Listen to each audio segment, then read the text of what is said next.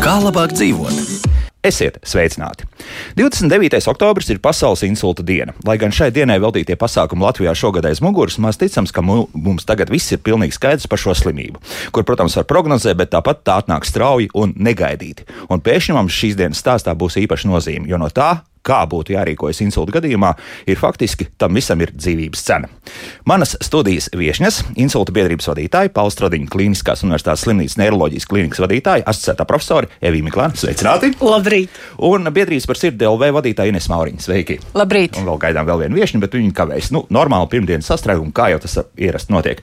Ines, es sākšu ar jums. Un jautājums ir šāds. Jums tāda interesanta aptauja septembrī ir veikta, un rezultāti mani drusku pārsteidza. Bet nu, tad visu ļaušu tagad teikt Inesē. Jā.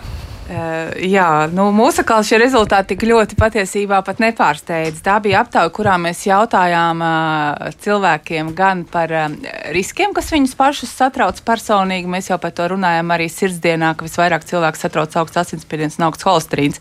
Bet bija vēl viens jautājums, ko mēs viņiem jautājām, kura no sirds un asinsvadu slimībām, no kuras viņiem būtu visvairāk bail. Aha, tad tomēr bija tāds sašaurināts ne tikai par visu kopējām slimībām, ja, bet, bet, bet tieši jā, par sirds un jā, asinsvadu mēs tieši jautājām par sirds sirds un asinsvadu slimībām, jo, jo skaidrs, ja mēs runātu par kopējām slimībām, tad, tad droši vien tas profils būtu savādāks. Bet tātad tas, ko mēs secinājām, ka lielākoties vairāk nekā 50% cilvēku atzina, ka viņiem ir bail no insulta. Un, um, Un tam ir, protams, dažādi iemesli. Es domāju, ka jebkurš, kurš ir saskāries ar šo slimību savā ģimenē vai pats no tā ir cietis, apzinās, kādas ir šīs slimības sekas. Un tas ir viens no iemesliem, kāpēc cilvēkiem ir bail. Bet eh, nu, mūsu darbs savukārt ir stāstīt un darīt visu iespējamo, lai šīs bailes mazinātu, tādā ziņā, ka mēs varam daudz ko izdarīt eh, savas veselības labā, lai šo slimību novērstu. Un tad, pat ja viņa notiek, tad operatīvi rīkoties, lai, lai cilvēku atgrieztu dzīvē sekmīgi. Mm -hmm. Par tiem pārējām slimībām, par ko balsot balsoja. Tur tie procenti krietni zemāki, bet eh, tās nākamās eh, divas pozīcijas, otrā un trešā vieta bija. Jā, tā tad kā otro vietu, nu, tādā ziņā, no kuras slimības visvairāk bail, tika minēts infarkts, miocarda infarkts, un savukārt trešajā vietā palika sirds mazspēja mm -hmm. ar 9,5%. Lūk, tā. Tā kā, nu, bet, nu, tas, ar, protams, redzat, tas ir saistīts ar to, ko mēs redzam un kā tā slimība izpaužās. Jo, piemēram, ja mēs runājam par sirds mazspēju, tā tiek dēvēta par, par sirds veselības vēzi, kas ir slimība slimība ar ļoti nopietnām sekām, bet varbūt nevienmēr tā tik skaļi, skaļi izpaužās un uh, salīdzinot ar uh, insultu, piemēram. Jā, protams, jā. Bet uh, pasaules insulta kampaņai izvēlētais sauklis šogad ir minūtes var izglābt dzīvības. Jā? Un tagad es griežos uz otru pusi, un mums vēl viena dāma ir piebiedrojusies šajā studijā - Rīgas Austrum Kliniskās Universitātes slimnīcas rehabilitācijas klīnikas vadītāja Ila Mihejeva. Doktors, labdien! Lab, labdien! Un tā, sākam līdz rehabilitācijai, protams, mēs nonāksim, bet es profesorai Miglānai jautāšu, nu, minūtes izglābt dzīvību. Ja? Mēs par to esam jau runājuši vairākas reizes raidījumā, kā labāk dzīvot, bet fakts paliek fakts. Tur neizbēgam tas ir. Ja? Jā, nu, Tā tas tiešām ir. Kāpēc minūtes? Tāpēc, ka smadzeņu aude ļoti ātri iet bojā. Tikko kā notiek asinsvadu nosprostošanās, tā smadzeņu šūnas jau tāpat mirklī sāk zaudēt spēju izdzīvot. Un, un tāpēc, jo ātrāk cilvēks nonāk līdz slimnīcai, jo ātrāk viņš saņem trombu šķīdinošas zāles, jo mazāks smadzeņu bojājums nākotnē viņam draud. Tā kā insults pēc būtības ir ārstējams, bet ārstējams tikai pirmajās stundās, ļoti īsu laiku pēc tam, kad šis asinsvadu nosprostojums ir noticis. Tāpēc mēs sakām, ka minūtes var izglābt dzīvības. Teiksim, ilustrācijai nu, smadzenēs ir dažādi centri, nu, kas atbild par kustībām, kas atbild par jūšanu, kas atbild par valodu. Un, Un dažu minūšu, desmit minūšu laikā var iet bojā cilvēkam runas centrs, ja viņš nenonāk laicīgi līdz slimnīcai. Šis cilvēks arī tad, ja viņam veiks iespējamo ārstēšanu, vairs nekad nerunās, nesapratīs valodu. Ja, tas minūtes ir ļoti, ļoti svarīgs. Tā mums tikai šķiet, nu, ja ja notiek kaut kādi simptomi, kas liecina par insultu, ka pagaidīs, varbūt pāries, varbūt pagulēs, varbūt iedzers kādas nomierinošas zāles, uz slimnīcu tomēr varbūt var nebraukt, bet, bet īstenībā tas var būt ļoti, ļoti fatāli. Mm -hmm. Kādreiz mēs runājam par trīs lietām, kuras ir jāiegūmē. Tagad ir principā, es skatos, ka ir četras lietas. Jā, vismaz par sirdelvēju mājaslapā ir rakstīts, tātad šīs četras lietas kādas tās ir un kāpēc tās būtu nepieciešams zināt nevis pat cilvēkam, kurš skārs insults, bet visiem apkārtējiem, tas respektīvi visai sabiedrībai kopumā. Mēs runājam par tiem simptomiem, ar ko insults izpaužas. Jā. Jā, tā, tā, ir, tie, tā ir vienas puses paralīze, parasti vienas puses. Arī ieskaitot sejā ir muskuļu vājums, jā, ja mēs sakām šķības seja. Otra lieta ir tā, ka var būt uh, jušanas zudums vienas puses. Trešā lieta ir tā, ka var būt valodas traucējumi, grūtības saprast vai grūtības parunāt. Un vēl retāks insulta veids ir tāds, kas raksturojas ar izteiktiem koordinācijas traucējumiem, dubultošanos, redzes dubultošanos vai redzes lauka izkrišanu no vienas puses, un kombinācijā ar ļoti stipru reibonu un sliktu dušu. Un katra no šīm pazīmēm var notikt neatkarīgi no tā, vai tās pārējās pazīmes izpildās vai neizpildās. Jā, ja? pr protams, tas nekādā gadījumā nevar būt tā, ka visas šīs pazīmes ir vienlaicīgi. Nu, varbūt teorētiski var, nu, bet parasti tā nav. Jā, parasti ir kaut kāda viena vai, vai divas divas vai trīs pazīmes kombinācijā. Mm -hmm. Bet tādā gadījumā, nu, ja pieņemsim kaut kādu uh, dubultošanās redzi vai kā citādi, nu, kāds domās, nu, jā, varbūt drusku slikti, varbūt tas ir, vai vēl kaut kas tam līdzīgs, un nu, nepievērsīs tam uzmanību. Jā. Nu, dubultošanās tas noteikti ir neiroloģisks simptoms, jā. un ja kādam sāk strauji, nu, teiksim, akūti strauji attīstās dubultošanās, tad pilnīgi noteikti ir jāgriežas pie ārsta, jo Ir ļoti daudz arī citu slimību, kas, eh, kas raksturojas ar dubultošanos, bet viņas visas ir pietiekoši nozīmīgas, lai grieztos pie ārsta neiroloģa. Mm -hmm. Apkārtējiem, kas būtu jāzina tādā gadījumā, šī būs iekšējā pazīme, kur cilvēkam principā pašam ir jānovērtē, cik viņam ir slikti, bet nu, pieņemsim tā pašā tās darbības, kas mums būtu jāveic un jā, jāpieprasa no, no potenciālā insulta skatā cilvēka. Tad mums ir kas, pirmais ir smaidīšana, ja? tad mēģināšana nu, vai, vai spējas pasmaidīt. Jā. Jā. ir tas, tas ātri tests, ko mēs, par ko mēs runājam jau daudzus gadus. gadus Tātad tā ātri tests, kurš sastāv no vairākiem punktiem. Tad pirmais mēs liekam cilvēkam pasmaidīt, lai redzētu, vai nav asimetriska šķības seja. Otrais turēt, tad paturēt abas rokas priekšā, izstieptas, skatīties, vai viņš var noturēt abas rokas. Ja viena roka noslīd, tad šis punkts arī ir. Tad, ja tur gadījumā trīc rokas vai kas citādi, tas neskaitās. Trīce, Trīce parasti neskaitās. neskaitās. Jā, trīce atkal tas ir neiroloģisks simptoms, bet šī gadījumā varbūt tas nav tik nozīmīgs. Tātad nākošais ir likt cilvēkam parunāt, atkārtot uh, kādu teikumu, vai arī pajautāt uh, viņam kaut ko, kaut vai par to, vai viņš var nosaukt savu vārdu, uzvārdu, vecumu. Un, un ja nu gadījumā kāds no šiem punktiem tiešām ir traucēts, tādā gadījumā tas, ko vajag darīt, noteikti izsaukt ātrā palīdzību un steidzīgi pacientu, lai viņi nogādā slimnīcā. Negaidot nevienu minūti. Negaidot, ja? tāpēc ka minūtes var glābt dzīvību. Mm -hmm. Pirms pāris gadiem. Eh, profesor, jūs jau lielījāties, un es domāju, ka tam ir absolūts pamats, ka, ka mums tiešām ar šo ir tīri labi sakārtotas visas lietas, un ka tas ātrums ir tiešām lielisks, kad neatkarīgā medicīnas palīdzība jau, jau ir ceļā. Kā mums šobrīd klājas? Jūs domājat ar to insultu ārstēšanas ātrumu? Ātrumu, ātrumu, jā, jā. cik jā. ātri tad nonāk tas nu, tas cilvēks? mērķis patreiz, ko ir noteikusi, nodefinējusi Eiropas insulta organizācija, ir tāds, lai tas mērķis ātrumam, ja, uz ko visiem būtu jātiecās, ka tas laiks no brīža, kad uh, pacients ierodas slimnīcā, viņa pieregistrē līdz tam brīdim, kad viņam iedod pirmo medikamentu devu, trombu šķīdināšanai, viņš nedrīkstētu būt zemāks par 20 minūtēm. Un, uh, un, un, un Latvijā kopumā mēs jau tuvojamies. Par visām insultu vienībām runājot, kopumā mēs jau tuvojamies šim rādītājam. Bet uh, attiecībā par universitātes slimnīcām ir daudzi gadījumi, kad mēs tiešām stipri zem šīm 20 minūtēm jau tiekam. Jā, tā kā ātrākais uh, šis laiks, kas bija no pacienta reģistrācijas līdz trombolīzei, es piefiksēju, bija 7 minūtes mūsu slimnīcā. Nu, Gaļas ir noteikti līdzīgs stāsts. Varbūt dr. Mihaila varēs papildināt. Klājas, jā, arī, jums arī tur labi panākumi ir šajā jomā. Uh. Jā, es, es varu teikt, ka uh, man ir patiesa prieks, ka uh, abās lielajās universitātes slimnīcās ir um, tik augsti attīstītas, es domāju, tehnoloģiski ja, šīs insulta vienības. Jā, un dzirdot vizītēs, arī dzirdu, ka tas ir laiks uh, 7-8 minūtes, kas bija ātrākais. Tā kā, jā, tie rezultāti ir līdzīgi, bet tas, ko es gribu teikt, varbūt uh ar šo saukli, kad. Um, um, kad, eh, jā, kad tiek izglābta ne tikai dzīvība, bet ļoti nozīmīgi ir eh, šī agrīnā un ļoti intensīvā ārstēšana tieši saistībā ar insulta seku mazināšanu. Kad jo aktīvāka, vai ja tā var teikt, agresīvāka ārstēšana ir pašā sākumā, tas novērš smagās insulta sekas, uz to jau tas ir vērsts. Es nevaru teikt, ka tas notiek pilnīgi, bet tas, ko mēs redzam, ka ļoti liela daļa pacientu, kam tiek pielietot šī aktīvā ārstēšana, ir ar krietni mazākām sekām, negatīvām pēc insulta praktiski daudz atgriežas normālajā dzīvē. Ja? Var tā teikt, tā droši. Ja? Jā. Jā. Es ceru, ka profesora Miglāna man piekritīs. Jā. Jā, es noteikti piekrītu.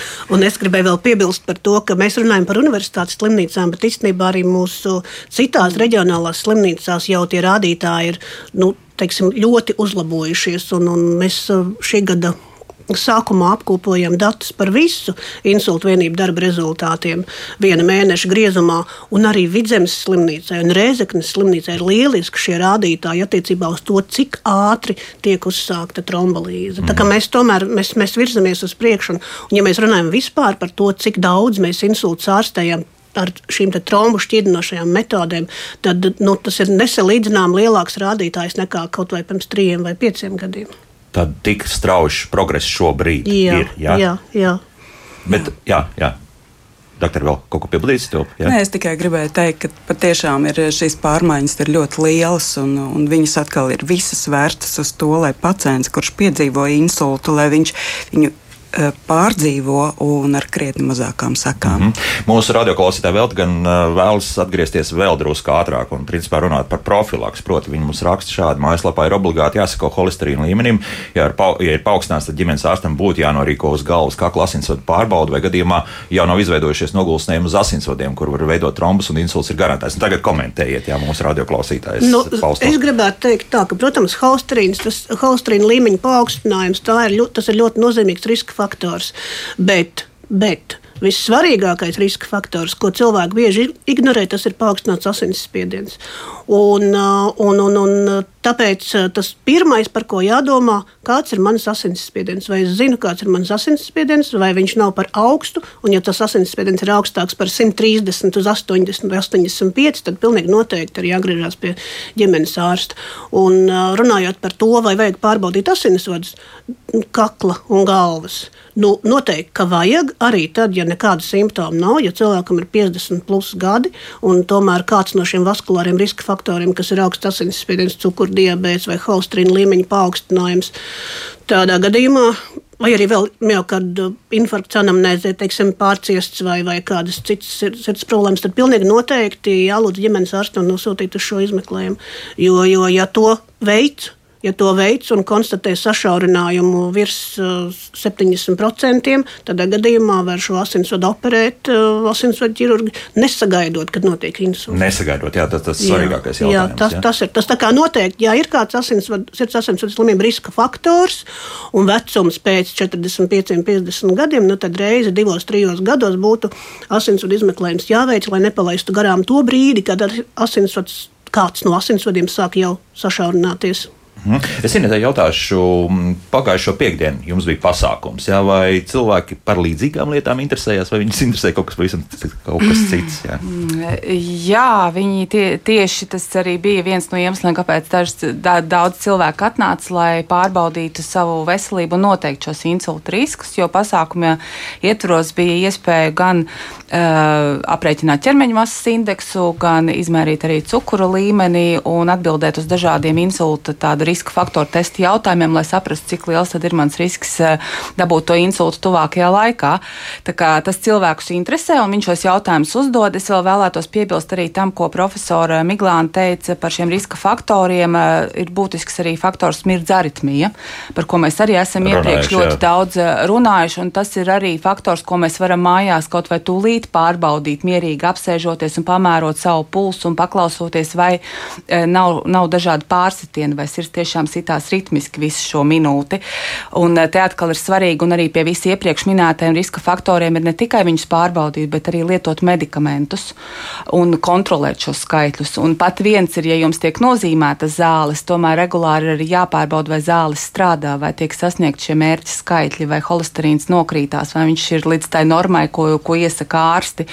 Un arī tas bija tas, ko mēs redzējām pasākumā sadarbībā ar jaunajiem mediķiem, ka bija cilvēki, kuri saka, nu jā, es jau lietoju tās zāles un, un, un, un it kā jau palīdz, bet un izrādās, ka cilvēks varbūt nav bijis sen pie ārsta, viņam tās zāles nozīmētas jau pirms pieciem gadiem, tāpat viņš arī viņas lieto, vai arī, vai arī pat nelieto, un arī to atzīst, kad nu, liekas, ka tās nevajag, nu tagad kaut kas ir labāk, vai nelieto pēc dažādiem citiem kritērijiem, un, un tas jau ir tas, un es domāju, ka arī profesori arī noteikti to zina, cik daudz cilvēku nonāk tieši dēļ šīs zemās līdzestības, dēļ tā, ka netiek lietot šīs zāles, ka netiek sasniegt šie mērķi, un tās ir tās invaliditātes un nu, patiesībā arī nāves, kuras tā lielā mērā var novērst. Tā, mēs runājam gan par statīniem, gan par asinsspiedienu pa, pazeminošām zālēm. Un arī, arī mirdzaritmijai tie ir antikoagulanti, kas Kogulanti, ir arī kritiski svarīgi, jo mirdzaritmija piecas reizes palielina insultu risku, un tas ir ļoti nopietns rādītājs. Un tas ir arī novēršams un ārstējams. Jā, jā, jā tagad atkal uz otru flangu vēršos. jā,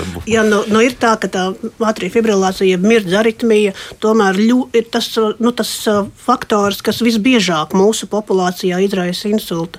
Jo, jo teiksim, no, no mūsu slimnīcā reģistrētajiem insulta gadījumiem, nu, teiksim, uz katriem, uz katriem tūkstotis gadījumiem 500 ir tādi, kas ir notikuši šīm daritmijas dēļ. Un, un vairums, vairums, vairums to būtu novēršami, jo šie cilvēki bija vai nu tādi, kas vispār nebija zinājuši par, par savu mirdzaritmiju, vai arī tādi, kas bija zinājuši, bet nebija lietojuši šos medikamentus, antikoagulantus, ko Ines nu pat minēja, vai arī bija lietojuši neregulāri. Kāpēc mēs to varam pateikt? Tāpēc, ka mēs visiem pacientiem, kuri ir, kuriem ir ātrija fibrilācija, mirdz aritmija, viņi iestājas ar insultu un viņi saka, ka viņi ir lietojuši šos antikoagulantus, mēs nosakām viņu koncentrāciju asinīs. Arī kas attiecās uz tiem jaunajiem tiešas darbības antikoagulantiem. Un 90% no, to, no, no pacientiem, kuriem ir noticis insults ātrijas fibrilācijas dēļ un kuri saka, ka lietoja tos antikoagulantus, tomēr tā koncentrācija bija nepietiekoša. Tad vai nu bija lietots nepareizi, piemēram, daži no šiem medikamentiem ir lietojami kopā ar ēdienreizi, vai arī cilvēks bija aizmirsis lietot šo medikamentu. Ja, tā aizmirst lietot. Aizmirst lietot un, un, tā, un tā problēma ir tā, ka, ka ņemot vērā, ka šie jaunie tiešas darbības antikoagulanti, ka viņi teiksim, darbojas uh, relatīvi īslaicīgi, tad katra aizmirstā lietošanas reize jau to insultu risku paaugstina ļoti. Un to, to, tā izpratne man šķiet, ka tomēr cilvēku vidū ir diezgan zema. Mm -hmm. Doktorai Mihēvai jautāšana, jau rehabilitējoties, tad cilvēki sāk ievērot visas šīs lietas, vai arī tad vēl daudz dažādas diskusijas. Par, par šo rehabilitāciju varbūt runāšanu vēlāk, jā, bet, bet runājot par šo tieši par šo. Es varu tikai pievienoties kolēģiem un teikt, ka, eh, diemžēl, eh, mēs redzam pacientus, kuri kaut kādu iemeslu dēļ vai nu paši maina terapiju var arī pamainīt devas, vai nu vienkārši atceļ medikamentus ar tādu atrunu, ka nu, man jau viss ir kārtībā, Jā. man spiediens ir labs, man, eh, kā lai saka, sirds ritms man noregulēts, man, kā lai saka, es dzīvoju veselīgi, man medikamenti vairs nav vajadzīgi. Diemžēl mēs redzam šādus piemērus, un, protams, mēs ar katru runājam par to, ka, ja insults jau ir noticis, atkārtot insulta risks, es neteikšu, ka dubultojās, bet viņš ir augsts. Un līdz ar to medikamenti spēlē šeit atslēgas lomu tieši atkārtot insultu novēršanā. To ir katram nu, jāsaprot. Tas, ka tu izdzīvoji pēc insulta un varbūt veiksmīgi, un tev nav smagas sekas, tas nenozīmē, ka katrs nākamais insults, ko tu vari piedzīvot dēļ tā, ka tu neizvērtē, varbūt neapzinies savus insultu riskus, var būt ar krietni sliktāku rezultātu. Jā, un cik mums te recidīvi ir? Arī kaut kāda statistika noteikti jau ir, vai ne? Kā, kā mums klājas ar to? Nu, jā, ja mēs skatāmies no, no tā reģistra, kurā mēs piedalāmies, tad apmēram trešā daļa no insultiem ir atkārtot. Daudz. Jā, tas, tas diemžēl ir daudz. Un es arī pievienošos doktoram Mihējai par to terapijas regularitāti, ko, ko, ko doktori minēja. Tiešām man arī ambulatorija konsultācijās nāk pacienti un jautā, nu, cik ilgi man jālieto tās spiediena zāles. Man viss kārtībā. Nu, kā lai es lietoju spiediena zāles, ja es pamostos no rīta, man spiediens ir 120 uz 80. Mm, viss kārtībā. Jā, jā viss kārtībā. Un, un tad viņi saka, nu, tad es nelietoju tās zāles, tad es pamēru atkal, un tad man ir 170, un tad es iedzeru. Nu, tā nevar darīt. To, tomēr visiem jāsaprot, ka, ka ja spiediena zāles ir nozīmētas, tad viņas jālieto regulāri, un nekad nepienāks tāds brīdis, kad spiediens būs noregulējies pats no sevis, un šīs zāles pali būs palīdzējušas uz visu turpmāko dzīvi. Regulāra terapija un nekāda paša mm, iniciēta terapijas maiņa, nu, tas, tas nav attaisnojams. Tas, to jau cilvēks pats pats sev slikti nodara, ar to, ka, ka, ka mēģina kaut ko lasīt vēl papildus un būt gudrāks par ārstu. Nu, var jau būt, ka ir dažas lietas, kurās cilvēks var sevi labāk izprast nekā ārsts vai jebkurš cits cilvēks no malas, bet tā nav nekādā ziņā medikamentos terapija. Tad uh, vairāk tas cilvēciskais faktors joprojām spēlē lomu, bet te mēs atkal runājam tikai par tādu zāļu nepareizu lietošanu, vai tomēr ir tāda, nu, kur ir fatālisti vienkārši, kur ieslēguši kaut kādu pašnāvnieku režīmu un tad uh, turpinām dzīvot tieši tāpat kā iepriekš. Ja? Ēdam neveselīgi, alkohols, cigaretes, viss, nu kā, pilns komplekts. Jā. Ja? Es varu tikai teikt, jā, ka tas tā ir. Katrs jau mēs to savu dzīvi baudām tā, kā mēs gribētu mhm. baudīt. Jā. Bet es domāju, ka insults, piedzīvotais insults ir ļoti tāds liels signāls, nu, ka tu varbūt dari kaut ko nepareizi, ka varbūt ieklausies. Un, man ir patiesa prieks, ka pēc kāda laika pacients atgriežoties, jā, viņš varbūt ir atmetis smēķēšanu, viņam ir fiziskās aktivitātes, viņš lieto medikamentus. Un, jā, mēs runājam runājam tieši par to, ko vēl darīt, lai uzlabotu viņu veselību. Nevis atkal sākam no jauna par to, nu, ka tev jālieto šie medikamenti, ka nevajag viņus atcelt. Varbūt ir jā, jā, nu, jāsamazina smēķēšana. Ideāli ir saka, pārtraukt viņu pārmērīgu alkohola lietošanu. Nu, bet grūtākais jau ir, ja vēl par medikamentiem man šķiet ir vieglāk tad par fiziskām aktivitātēm ar cilvēku ir grūtāk. Nopietni, tiešām, jā. jā. Tie, kas nonāk līdz jums, jā, kur, kur liekas, tas būtu elementārākais. Jā. Nu, sākam kaut kādas pastaigas, jā, tos slavenos desmit tūkstošus soļus varbūt. Jā. Pastaigām būs par maz šajā gadījumā, diemžēl. Pamaz, jā, jā, jā. jā. Ko tad vēl jāliek klāt? Ir? Nu, tie, tie ir šie fiziskie treniņi, kuriem ir jābūt. Jā, tie, tiem ir jābūt gan Protams, pastaigas arī var būt. Un jāsaka tā, ka šeit arī tie dati par pētījumiem par fiziskām aktivitātēm tieši saistībā ar insultu profilaks ir gan atšķirīgi. Un tiek atzīmēts, ka pieņemsim sievietēm šīs zemes intensitātes um, aktivitātes kā pastaiga ir noderīgas insultu profilaksē. Vīriešiem ir jābūt mērenas aktivitātes, kas būtu skriešana vai nu, aktīvāks. Jā, tas, jābrauc, jā, jā, tāda, jā. tas būtu tas ieteicamais un vēl pelnījums peldēšana. Tā kā tad pēc dzimumiem tas atšķirās, bet svarīgākais jau arī, ka nav jārīko šīs akcijas. Ziniet, šo mēnesi es sportoju, un pēc tam nesportoju, kas arī ļoti raksturīgi. Ja, kad mēs zinām, ka sporta zāles piepildās pēc jaunā gada un pirms vasaras sezonas, un pēc tam starplaikos jau tur tā mazāk. Jā, jā. Lūk, līdz ar to atslēgas vārds, ka tas ir regulāri. Tieši tāpat kā medikamenti regulāri, tad arī fiziskās aktivitātes regulāri. Un eh, viņām ir jābūt noteikti arī. No noteikta ilguma, bet jūs pieminējāt iepriekš desmit tūkstošu soļus. Nu, Daudziem pacientiem pēc insulta tas ir nesasniedzams rezultāts, bet tas, kas tiek minēts, kad ir ļoti svarīgi, lai dienā ir ne mazāk kā 3000 soļi, un tā ir arī tāda robeža, par kuru vajadzētu runāt. Ja. Mm. Nu, kamēram kilometrus drusciņi vairāk jāiet. Jā, ja? ka tev ir jāspēj ties, tas soļu skaits dienas laikā savākt. Jā, ja tīpaši, ja, ja ir gaitas traucējumi, protams, tas ir apgrūtinoši, bet tad tam ir jābūt kā mērķim, ko tev ir katru dienu jāizdara. Tev ir jāizdara medikamenti, un tev ir jābūt 3000, ne mazāk kā 3000 soļiem, ja mēs runājam par atkārtotu insultu profilaksi. Tātad veikals puskilometra attālumā jau būs labi. Jā, no, jā, jā, jā, pēc maizītes vai kā, kā tam līdzīgi aiziet. Jau, ir jāaiziet. Jau, būs, jau jā. Labi, jā. Es tomēr jā. vēl, vēl no, no. atļautos Lūdzu. atgādināt arī par uzturu, Aha. ko mēs arī, arī, arī grēkojam un, un arī zinām, ka arī pacientiem tas ir arī tas, ko ir grūti mainīt. Arī šis paradums īpaši, īpaši cilvēkiem gados nu, ir jāsāk veselīgāk īpaši, ja šis insults jau ir noticis. Un te ir runa par to, ko mēs arī esam jau daudz arī stāstījuši un runājuši kopā ar jums radio ko, mēs de, ko kardiologi arī dēvē par vidusjūras diētu. Respektīvi, tas ir daudz dārziņu un augļu kā pamats, kā pamats uzturam, un tad viss pārējais, tā skaitā arī šī ekstraverģina, jeb šī pirmā, pirmā, nu, pirmā spiediena, spieduma olīveļa. Tas viss arī uzlabo, uzlabo veselību, sirds un asinsvadu, un respektīvi arī šī asinsvadu pašu samazina iekaisumu, uzlabo šī asinsvadu struktūru. Un, un līdz ar to tas ir arī viens no tādiem būtiskiem faktoriem, ko ārsti izraksta. Bet es esmu redzējis arī izrakstos, izraksta arī no stradiņu slimnīcas, kur iesaka vidusjūras diētu, iesaka vairāk ēst augļus un dārziņus cilvēkiem, un? kuriem tieši, nu, protams, tas ir jautājums, jautājums par runu, un mēs arī esam redzējuši, diemžēl, pacients, kas iziet no insulta nodaļas ārā uz balkonu un uzsmēķē vai, vai, vai, no. vai Viņi uz balkonu mēs viņiem neļaujam smēķēt. Jā, ne, nu, slepas, agrāk, agrāk tā bija, bet, bet, protams, ir pacienti, kas, nu, tiešām, diemžēl, arī atrodoties slimnīcā, joprojām turpina šos, šos savus eh, nevisai labos ieradumus. Tā jā, tas nu. ir kā es saku, pašnāvnieku režīms. Jā. Nu, mums jā. ir stat, tādi pacienti slimnīcā, kur pieprasa izrakstīt no stacionāra, jo viņš nevar izturēt, viņam ir jāsmēķē.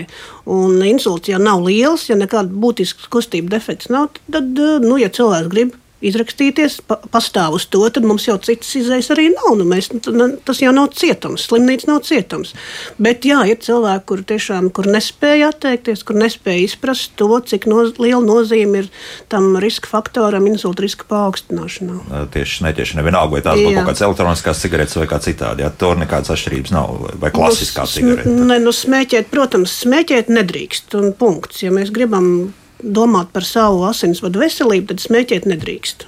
Nu jā, bet nu, kā jau mēs saprotam.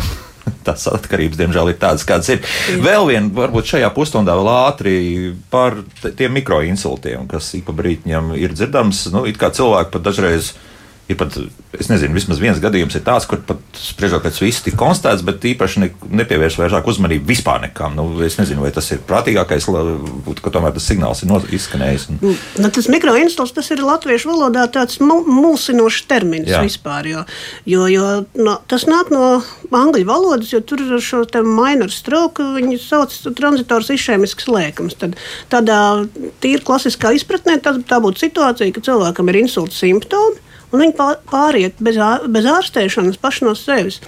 Bet uh, to, vai tiešām ir noticis insults neliels smadzenēs, ko varētu konstatēt tikai ar magnetiskās rezonanses palīdzību.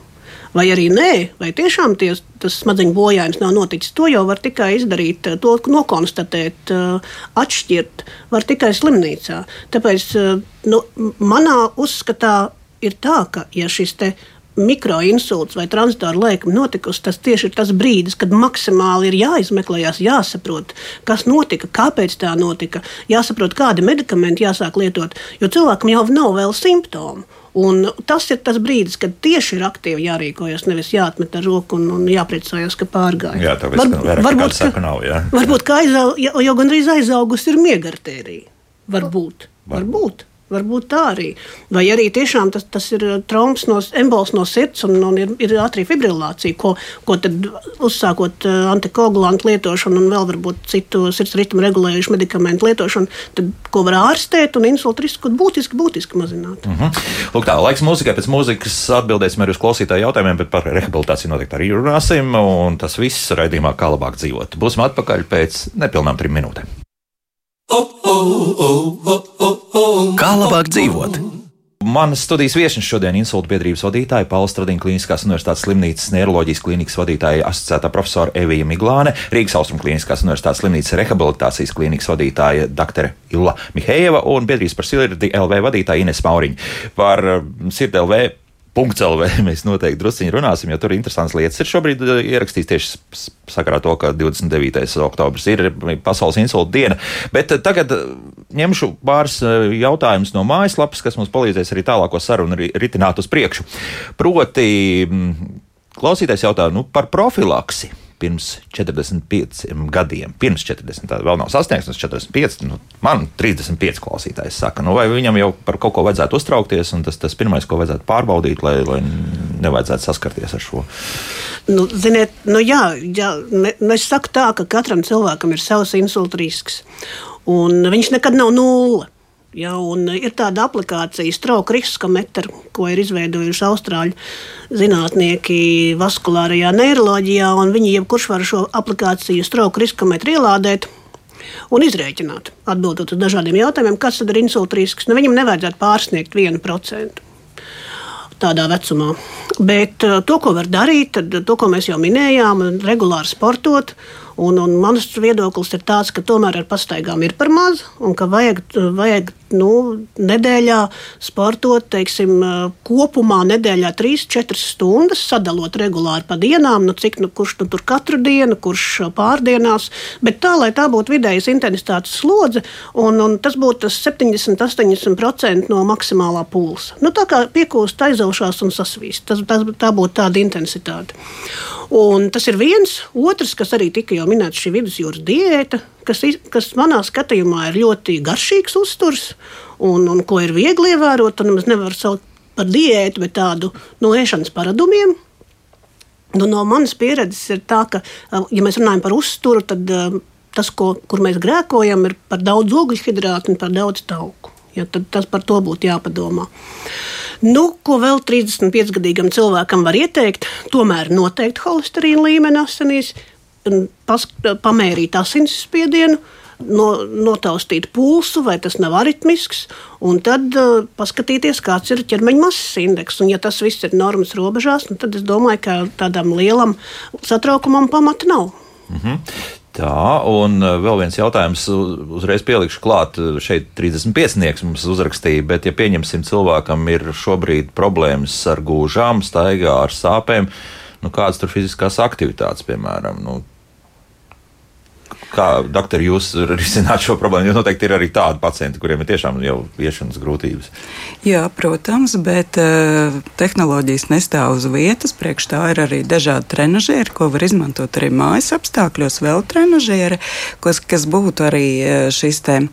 Uh, rokām, kā lai saka, griezt, kustina, jā, jā, griezt, jā. arī tas ir, tā arī ir aktivitāte. Un, protams, neskatoties šeit ir jāpadomā par tādu atsāpināšanu, bet arī vingrošanu. Nu, kā tādu šie spēka treniņi ir ļoti svarīgi, lai uzturētu arī locītājus koordinācijas treniņi.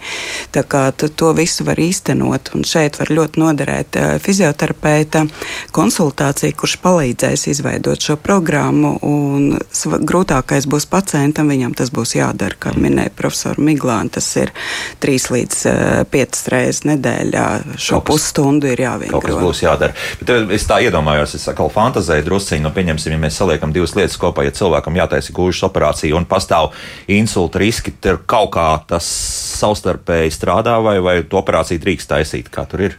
Nav nekas tāds. Nu, par operācijas indikācijām, tur gūžas locītās protezēšanai, tur jau noteikti, ortopēda traumatologi labāk to visu Protams, varētu jā. atbildēt. Bet no jūsu skatu punkta. Nu, no manas skatu punkta, nu, pacientam ir, jās, ir jāsastāda šis medikamentozes terapijas plāns, lai viņam maksimāli to insultu risku mazinātu. Mm -hmm. Operatī, operācijas laikā, protams, ir dažādi riski. Operācijas laikā, pēc operācijas periodā tas ir, tas ir vienmēr sarežģīti. Bet tad būtu vajadzīga speciālistu konsultācija, lai varētu salikt terapiju. Jā, nu, paklausīsimies vienu klausītāju arī. Lūdzu, jūs varat jautāt? Halo? Jā, lūdzu. Labrīt. Labrīt. Sakiet, lūdzu, bet ja cilvēks ir viens, un kam tad viņš rādīs tās četras pazīmes? Bet jums tur suns, es dzirdu aizmugurē, ir, jā? Ja? Suns ir. Jā, nu vienīgais Viens. ir suns, jā. Mm -hmm. Labi, jā, šis ir jautājums. Paldies. Jā, paldies. Arī mājaslapā. Kā šādā situācijā rīkoties? Te varbūt Inês pēc tam palīdzēs, varbūt, jā? Mm -hmm. Nu, tas, tā, ir, tā ir ļoti slikta situācija, ja cilvēks dzīvo viens.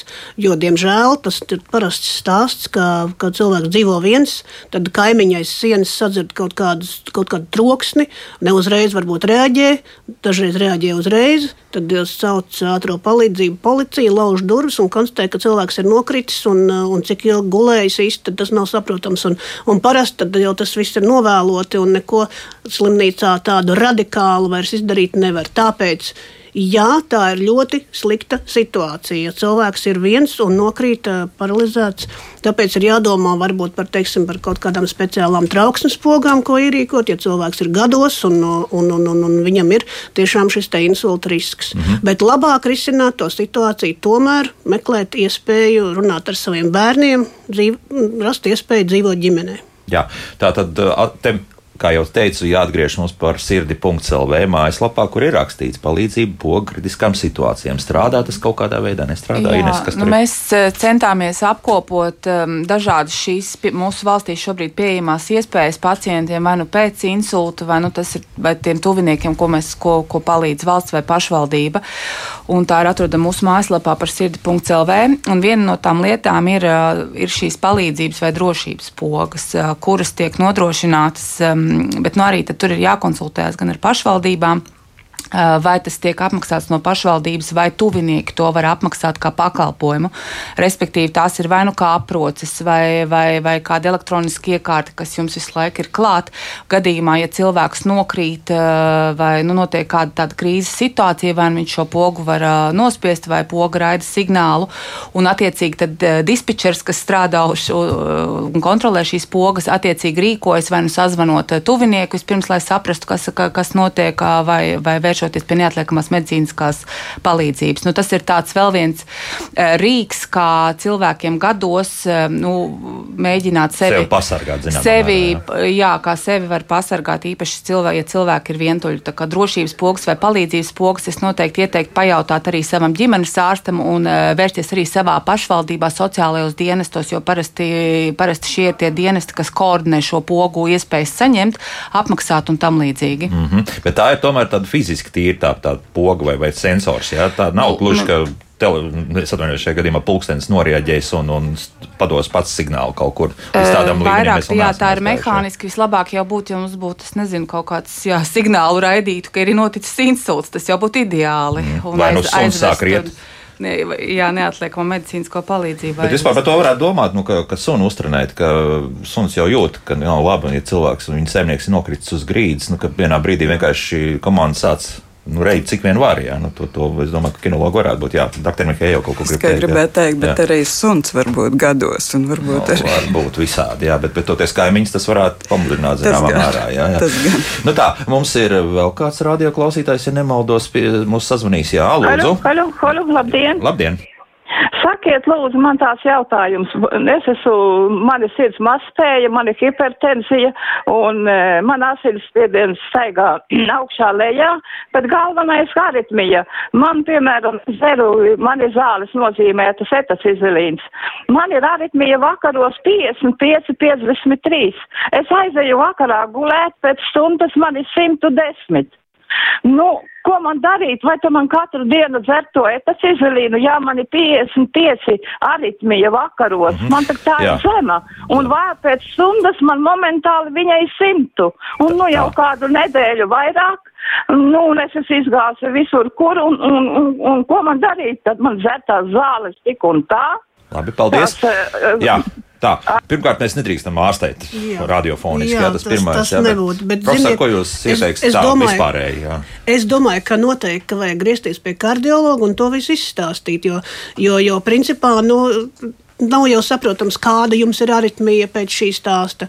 Un, uh, un, un, un tas, protams, ka tam tā nevajadzētu būt, ka tas pūls tik ļoti krasi mainās. Bet es domāju, ka šeit noteikti jums ir nepieciešama kardiologa konsultācija. Vismaz, bet jāsāk ar ģimenes ārstu. Mhm. -huh. Tā, un savukārt mājaslapā Inta mums jautā, kāpēc holesterīna zāles jālieto tieši vakarā, ik pa brītiņam aizmirstas. Kāpēc tā? Nu, respektīvi, tāpēc, ka naktī mums uh, organisms strādā un aknās sintez, sintezējas šis holesterīns. Un, un tāpēc, lai to procesu mazinātu, tāpēc vakarā. Bet to, kaut kā to aizmiršanos, kā regulēt, nekādu nu, modinātāju. Modinātāju pulksteni, vai, vai uzlikt kaut kādu automātisko izziņu, kas katru vakaru atnāk. Jā, te, telefonā to noteikti var pamēģināt izdarīt, jā, tādas lietas. Tā, uh, Rodrigo jautā, kādas jaunākās diagnostikas un ārstēšanas iespējas pasaulē, vai cilvēks, kuriem ir paaugstināta insulta riska ar pieejamām diagnosticēšanas un ārstēšanas metodēm medicīnā, ir iespējams pilnībā izvairīties no insulta? Kā tur ir?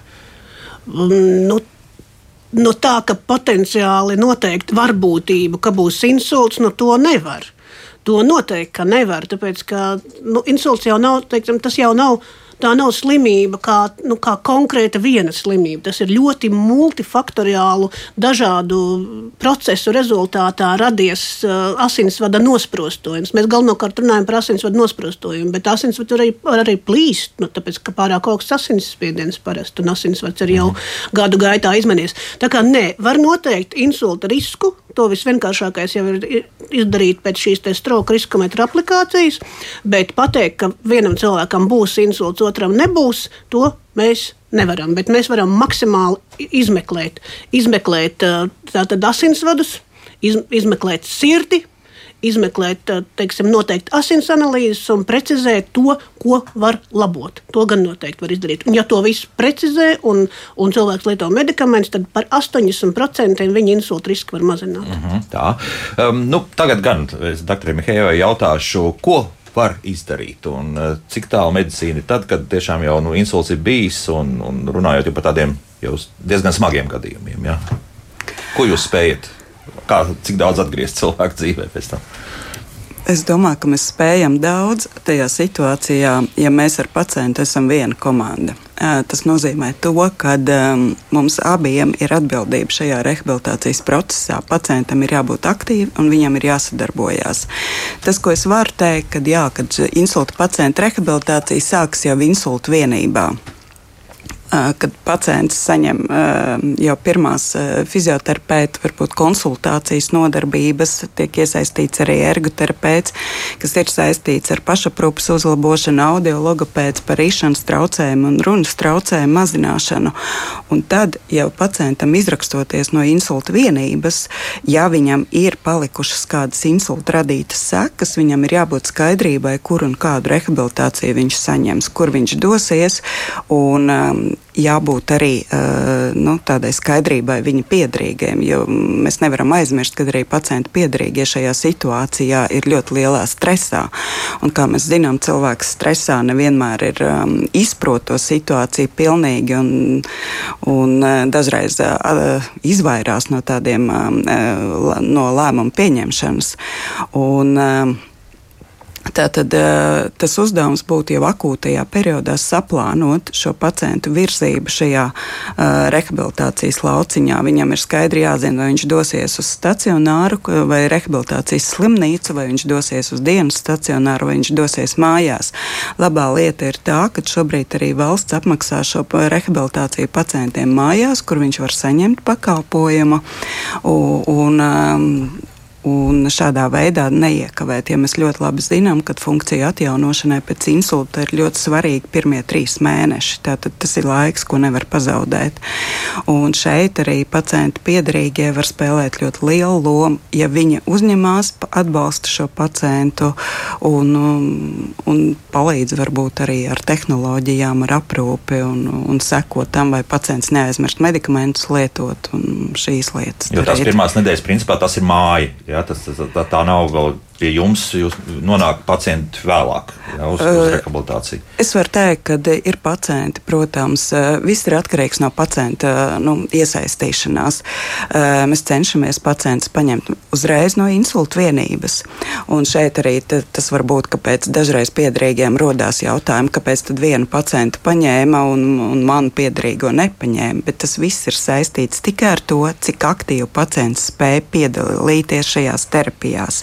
Jo tas nozīmē rehabilitācijai, ka pacientam ir jābūt aktīvam ne mazāk kā 2-3 stundas dienā. Tas nozīmē, ka tas ir fiziskās aktivitātes. Ja, ja pacients nespēja to darīt, tad arī rezultāts būs niecīgs. Un tad ir šī nogaidošā taktika, kad pacients, ja viņš uh, uzreiz netiek iesaistīts rehabilitācijā, tad pēc mēneša viņu vajadzētu novērtēt atkārtoti, un, ja viņa stāvoklis ir uzlabojies, tad arī aktīvi ir jārīkojas un jāiesaist rehabilitācijas pakalpojumos. Mm. Tāpēc šeit ir ļoti svarīga gan pacienta, pacienta piedarīga un ārsta sadarbība, lai tas neizjūg.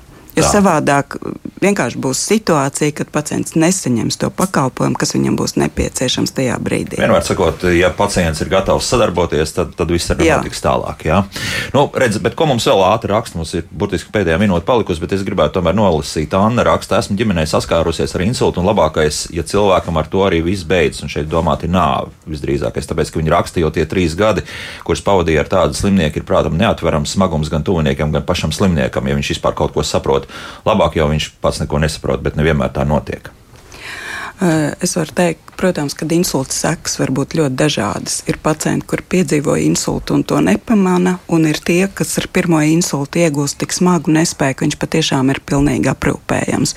Un šajā lietā ir tā, ka tas. Uh, mums varbūt šī sistēma nav tik laba, kad aprūpe ir jāuzņemās pacientu piedarīgajiem, vai arī šīs izmaksas par aprūpes iestādi ir pietiekoši liels, ko varbūt ģimene nevar saka, atļauties. Un, jā, tad, tad šis laiks gan ir ļoti grūts ģimenei, un šeit būtu ļoti svarīgi šis atbalsts ģimenei gan no sociālajiem dienestiem, un, jo nu, šī aprūpe 24-7 tas ir ļoti sarežģīti insulta pacientam. Varbūt, ja drīkst tas piebildīt norādījuši, ir, tā, ir tāds lielisks materiāls, šobrīd iztulkots latviski, ko izveidoja arī, tas ir starptautisks materiāls, to izveidoja neirologi no Stradiņas slimnīcas par to, kā aprūpēt pacientu mājās. Un tas tiešām to var pat nosaukt par krājumu. Tas nav bukletiņš, tiešām ar ļoti praktiskiem padomiem, kā labāk izprast, jo ir ļoti grūti saprast, kas vajadzīgs. Turpat ir vingrinājumi, dažādi vienkārši uzdevumi, ko ikdienā darīt. Šobrīd jūs varat atrast šo materiālu arī mūsu mājaslapā par sirdi.lv, un tur ir arī e, izcils materiāls pacientiem, kuriem ir rīšanas problēmas, ar kurām bieži saskarās. Jo to daudzi nezin, bet ir pieejams arī valsts kompensēts uzturs speciāli šiem pacientiem, kuriem ir grūtības ar rīšanu. Un tas ir arī atrodams mūsu mājaslapā par sirdi.lv. Mm -hmm. Un tas ir ne tikai par tātad, insulta pacientiem, bet arī par onkoloģiskiem tas pacientiem. Arī, arī pacientiem, jā. kuriem ir nopietnas diagnozes, citas, mm -hmm. piemēram, arī onkoloģiski. Jā, vienkārši lai saprastu, ko jautāt ģimenes ārstam un citiem speciālistiem un kā saņemt šo pakalpojumu, jo tas pienākās šiem pacientiem. Atcerieties par sirdi.lv vienmēr ir vērts ierūkoties. Jā, un piesakojot Twitterī, tur arī pa brīdiem vienreiz publicēt visādas, ar, ar vēl labāk Facebookā. Nu, labi, lai tā būtu. Bet, nu, vēl ātri, vēl vienu komentāru nolasīšu. 2020. gadā nonāca Gaļas zarslimnīcā ar tiltu. Nu, visdrīzāk tas varētu būt insults. Jā, tad, jā. Man ļoti operatīvi sniedza visu nepieciešamo palīdzību. Toreiz kādā ārsta man vizītes laikā slimnīcā sacīja nelietojiet vai minimizējiet pretsāpju līdzekļus. Mans jautājums šāds, vai kāda pretsāpju līdzekļa provocē insultu? Ir kaut kādas pamanītas tādas lietas?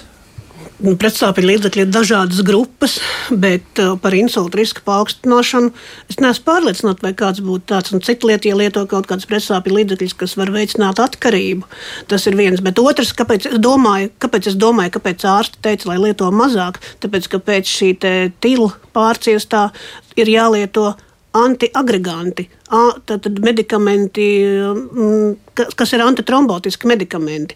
Un tad kombinācijā ar nestradiem pretīkaisam līdzekļiem, kas ir pretsāpī, paaugstinās kuņa zarnu trakta asiņošanas risks. Es domāju, ka tas ir tas. Tas ir vairāk jā, tā problēma. Mums šodien jābeidz vairāki tādi ieteikumi ir par tehnoloģijām, kā piemēram, kā gan telefoni, gan arī pulksteņi, piemēram, reaģē uz, uz krišanu un vēl kaut ko tamlīdzīgu. Tikai tā, tas signāls tālāk jānodod. Jā, attiecīgi, kam, kas, kas zinās, kā, kas īsti notiek. Bet, nu, labi, tas ir cits stāsts šodien. Šodien saku paldies insultu biedrības vadītājai, Paula Stradīna Kliniskās universitātes slimnīcas neiroloģijas klīnikas vadītājai, asociētai profesorai Evijai Miglānei, Rīgas Austrum Kliniskās universitātes slimnīcas rehabilitācijas klīnikas vadītājai Dr. Ilē Mihējevai un biedrības par sirdu vadītājai Enesē Mauriņai par sarunu. Paldies, paldies. dāmas! Paldies! paldies. Rīt tad par darba lietām, respektīvi, kā mums tā darba vide mainījusies pēdējos 20 gados. Par to rīt raidījumā, kā labāk dzīvot. Jauktdien visiem tā!